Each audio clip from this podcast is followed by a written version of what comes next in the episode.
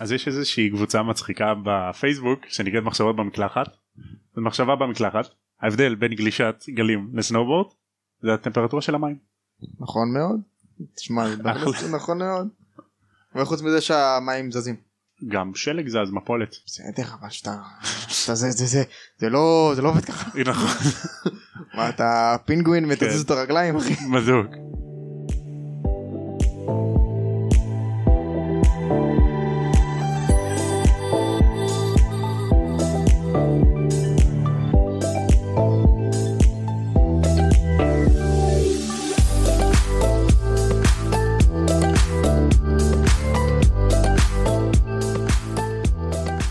שלום לכולם וברוכים השבים לפודקאסט תם ונשלם הקונדס. אני תום המזרחי ואיתי חוזרים חברי, חברי הטוב וחברה שלי רז וקברטי. מה נשמע? הכל בסדר מה קורה. כיף לחזור לכאן. כי ישבנו כאילו חמש דקות מהפרק הקודם הרבה זמן. אוקיי אז היום אנחנו נעשה פרק קצת שונה. אנחנו, היום אנחנו נעשה פרק של תיאוריה על הארי פוטר ואני רוצה להזהיר בבקשה את כולם זה פרק עם ספוילרים. יש פה ספוילרים על כל הסדרה ספוילרים שמתפרסים על כל הספרים על הפרטים הקטנים ביותר אז ראו זרתם ספוילרים. אני לא יכול להב... כאילו להבליט את זה יותר. לא, גם מעבר לזה שזה ספוילרים זה פרק שלא מיועד לאנשים שעדיין לא שמעו על הארי פוטר בחיים שלהם. בדיוק כן. אנשים שכן קראו ראו או אנשים שמכירים. סבבה אוקיי. אז uh, אנחנו נתחיל עם התיאוריה האהובה עליי שדמבלדור הוא ה... האנשה של המוות ב... ביקום של הארי פוטר הוא לא ה... ליטרלי. ה... כאילו המלאך המוות הוא פשוט הסימבוליות של המוות. עכשיו אני מתכוון לסימבוליות של המוות מה... מהסיפור של שלושת האחים למי שלא זוכר סיפור של האגדה של שלושת האחים הולכת ככה. שלושה אחים הולכים באיזשהו שביל ומגיעים לנחל לנהר סואן התחלה של בדיחה. כן שלושה אחים הולכים. ואז אחד טבע אז uh, הם מגיעים לנהר סואן בגלל ששלושתם היו קוסמים מנוסים אז הם יצרו מהקסם שלהם גשר שעזר להם לחצות את, הנ... את הנהר. באמצע הגשר איזושהי דמות עם ברדס uh, הופיעה באמצע וקיבלה את פניהם זה היה המוות. והוא אמר להם בגלל שאתם הצלחתם לרמות אותי אז אני אתן לכם פרסים אה, כאילו מה שתרצו. מה שתרצו מה שאתם רוצים. ככה. עליי עליי כמו הג'יני באלאדין. אז האח הגדול רצה להשפיל את המוות וביקש את השרביט הכי חזק בעולם שלא יכול להפסיד בשום דו קרב. האח השני רצה להשפיל את המוות עוד יותר אז הוא ביקש אבן הוא, הוא ביקש דרך להחזיר את המתים לחיים.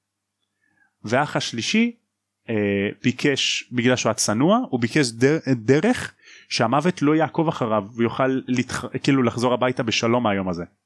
אז לאח הראשון הוא נתן את השרביט הכי חזק בעולם שהוא שנקראת אה, שרביט הסמבוסק. זה הדבר הראשון הקונוטציה הראשונה שעולה לי בראש כשאני שומעת. רגע רק סמבוסק יבש כאילו לא סמבוסק אתה יודע עם ביצה קשה ככה אה, חריף פסטו אה, רוטב עגבניות. פיצה וזה. פסטו אבל מבזיליקום שאת מגדלת בבית. כן אני רעבה סליחה. אז אה, סתם השם האמיתי זה שרביט הסמבוק או שרביט הבכור או סמבוסק. או סמבוסק. אני חושב שג'ייקי התכוונה סמבוסק. היא לא ידעה למה היא כן. מתכוונת באמת. נכון. אז uh, המתנה שהוא נתן לאח השני שהדרך להחזיר את, המת, את המתים לחיים זה אבן האוב שצריך לסובב אותה שלוש פעמים והמתים חוזרים לחיים. והוא נתן לאח השלישי דרך להתחמק מהמוות הוא נתן לו חלק מגלימת ההיעלמות של המוות. אז לאח יש גלימת היעלמות איכותית שלא מתקלקלת או לא מתבלה בחיים. ביקום של הארי פוטר יש הרבה סוגים של גלימות היעלמות אבל כולם עם כולן עם הזמן אה, מתבלות וכאילו בסוף כן רואים אותם ואתה לא באמת נעלם. מאבדות את האפקט שלהם. כן בדיוק.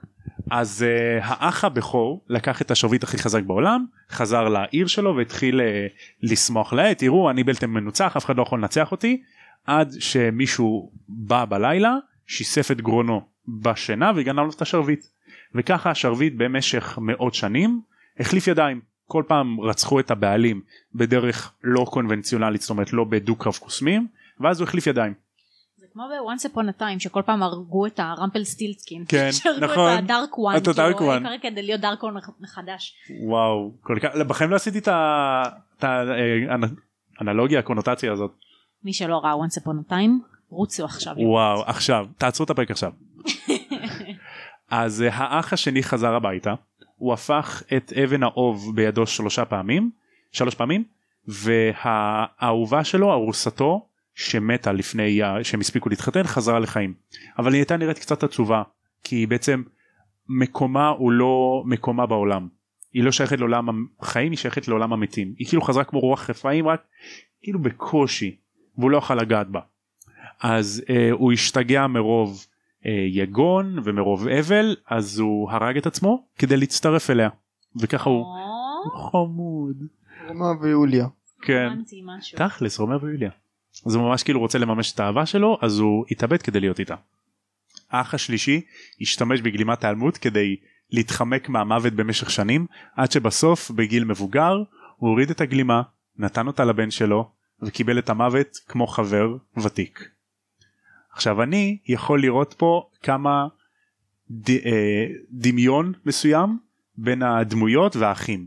האח הראשון קוראים לו אה, אנטיוכוס אנטיוך אנטיוך. אנטיוכוס כן אז הוא היה אה, צמא לכוח צמא בצע הוא היה כזה גם שחצן שמשתחצן בכוח שלו ואני יכול לראות שזה בעצם וולדמורט כי הוא לא היה באמת הבעלים של שרביט הבכור אבל הוא היה אובססיבי עם כוח.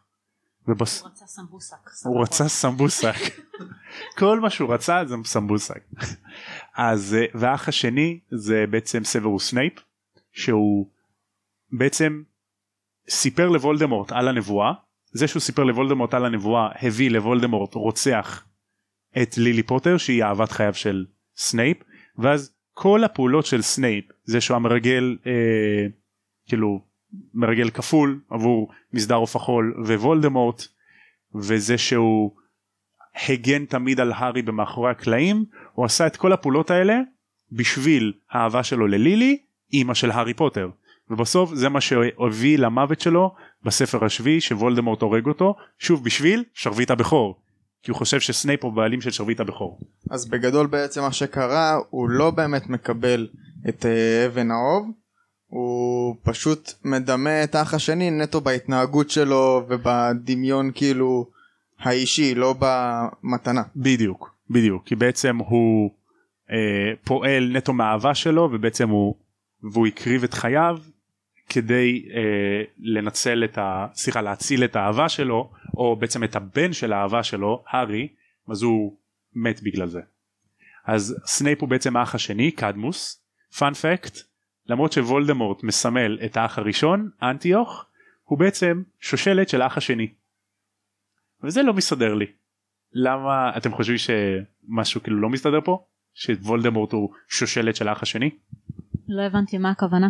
שבעצם הוא האח השני הוא אחד מאבות אבותיו של וולדמורט.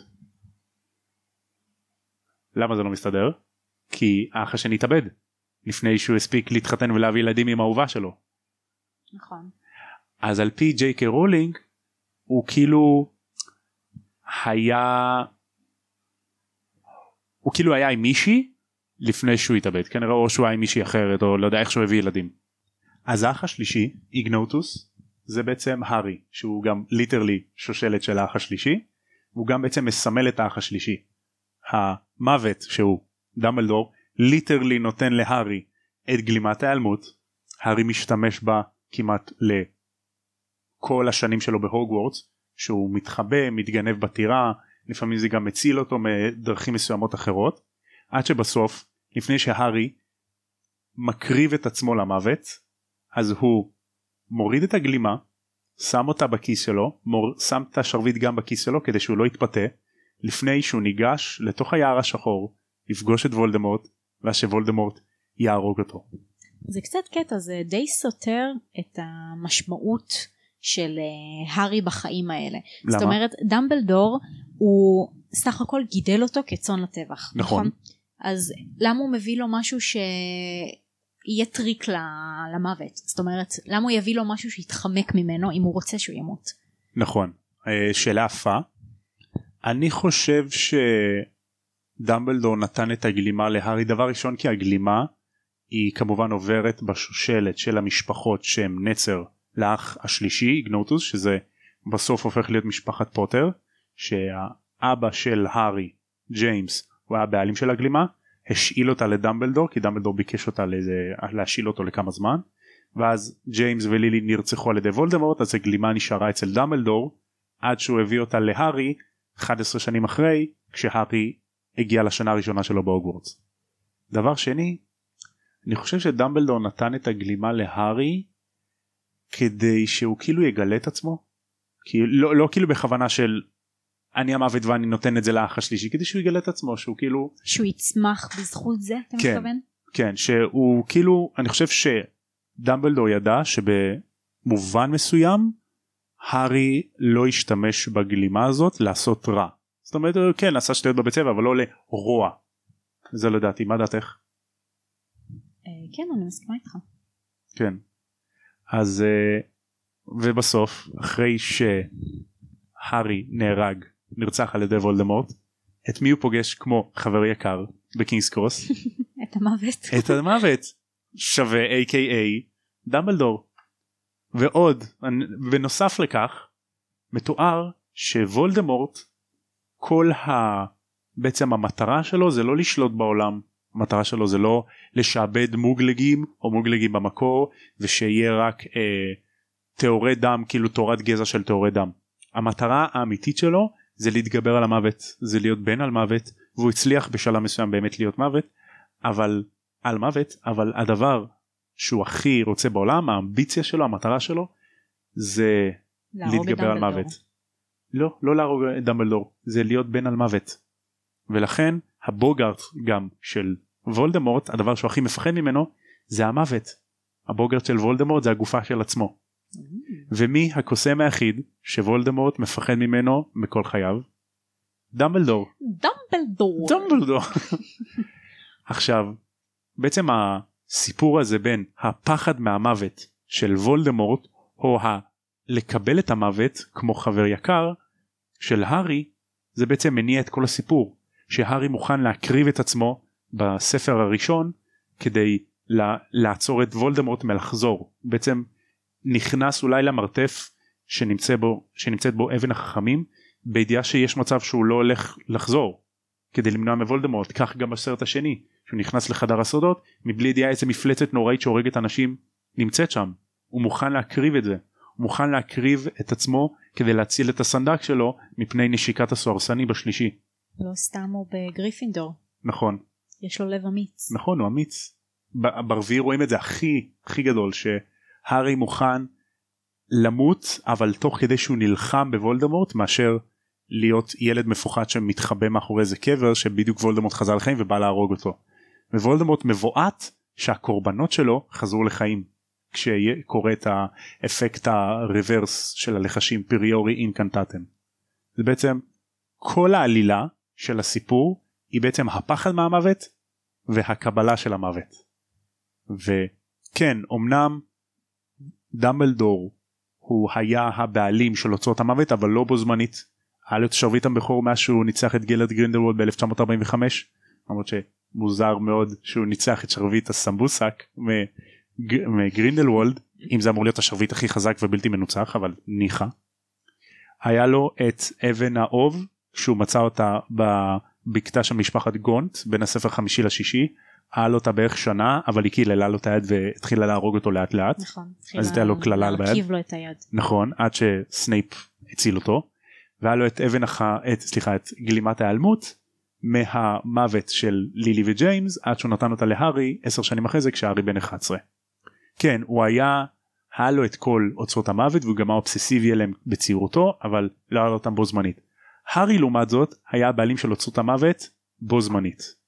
הוא היה ש... אה, האדון של שרביט הבכור כשהוא ניצח אותו ממלפוי שניצח אותו מדמבלדור הוא פרק אותו מנשקו בכמה חודשים לפני הקרב האחרון בהוגוורטס שהוא ניצח את מאלפוי באחוזת מאלפוי כמה חודשים לפני זה. היה לו את אבן האוב שהוא מצא בתוך הסניץ' שהוא פתר בעזרת שהוא נכון. שם את הסניץ' בפה שלו. נכון. והיה לו את הגלימה שהוא קיבל אותה בשנה הראשונה שלו. אבל חשוב להדגיש, עצם העובדה שהיו לו את שלושת אוצרות המוות לא הופך את הארי למוות אלא לאדון על המוות. ומה הארי בעצם עושה? הוא מת וחוזר לחיים. לכן הארי הוא האדון על המוות, הוא ניצח את המוות, הוא מת וחזר לחיים. בניגוד לוולדמורט שהוא לא באמת מת, ואז אחרי שהורגים את כל הרוקרוקסים שלו, אז הוא באמת מת. אבל בעצם זה מוזר, כאילו אם אומרים דמבלדור המוות אז איך הוא מת? זה לא מוות כזה, ושוב דמבלדור הוא לא מלאך המוות אלא הוא הסימבוליות למוות. ועצם העובדה שדמבלדור מת אבל הארי התגבר על המוות זה אומר שכן המוות נוצח המוות הפסיד בקרב הזה. בעצם אנחנו יכולים לראות פה למה דמבלדור הוא האנשה של המוות. אני אוהבת את התיאוריה הזאת כי גם דמבלדור הוא לא מתואר כאדם רע במהלך נכון. הסרטים או הספרים. נכון ממש הוא דווקא הבן אדם אה, שהכי כדאי לסמוך עליו הבן בדיוק. אדם הדמות האבאית. הוא כל כך חזק בדיוק הוא הכי חזק הוא הכי אוהב את הארי פוטר הוא כן. הכי אה, מצמיח אותו לגובה מה שנקרא נכון ו... וזה קטע שבסוף הוא כביכול האנשה למוות. נכון זה על פי באמת מ- התיאוריות כמובן כן, זה כן. לא על פי ג'יי קי רולינג נכון אבל אני זה. בעצם מעניין מאוד אני חושב גם בגלל שדמבלדור תמיד מתואר כרגוע הוא מעולם לא מרים את הקול הוא מעולם לא צועק וכשמתארים שהוא צועק או עצבני הוא משדר מין עוצמה וכוח כזאת הוא כאילו פולט חום מתארים את זה בספר הרביעי כשמבינים שברטי קראוט ג'וניור עבד על דמבלדור כל השנה הזאת אז מתארים שדמבלדור יש לו מין עוצמה כזאתי ו- וחום וכאילו כעס עתיק. וכאילו הוא בעצם האנשה של המוות אז כאילו הוא עתיק הוא חזק אבל הוא גם רגוע.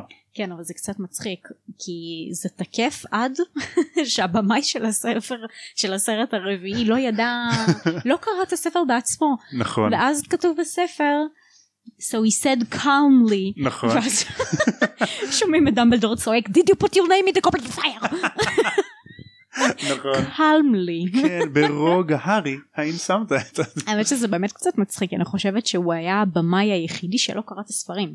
נכון שזה קצת מטומטם. יתרה מכך הבמאי של הסרט הרביעי הוא גם לא ראה את הסרטים. הוא ראה רק את ה-45 דקות הראשונות של הסרט השלישי ואז אה, החליט טוב אני רציתי לעשות סרט אפל. הבמאי שהיה לפניי אה, אלפונסו עשה סרט אפל באסיר מאסקבן אז אני החליט לעשות את גביע האש?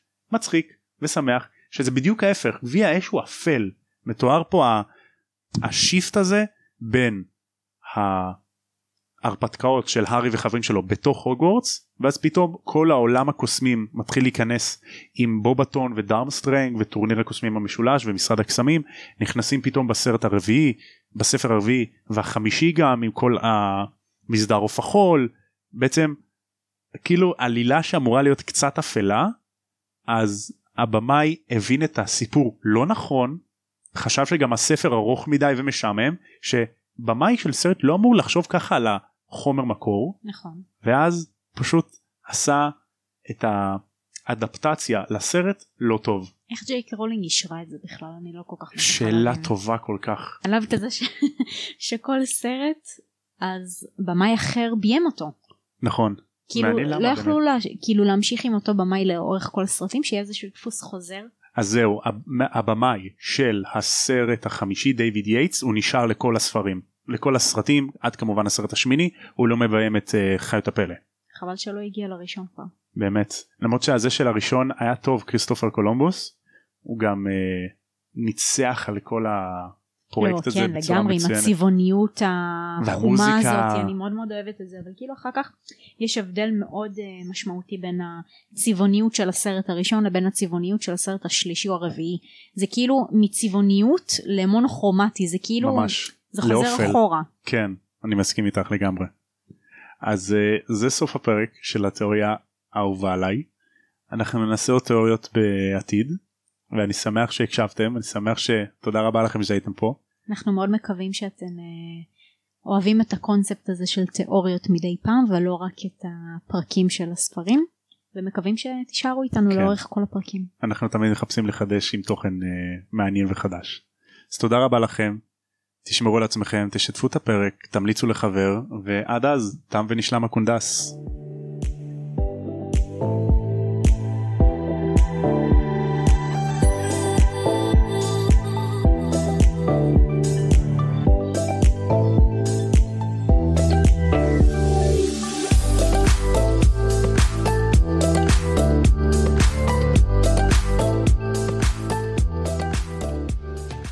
you put your name in the goblet of fire?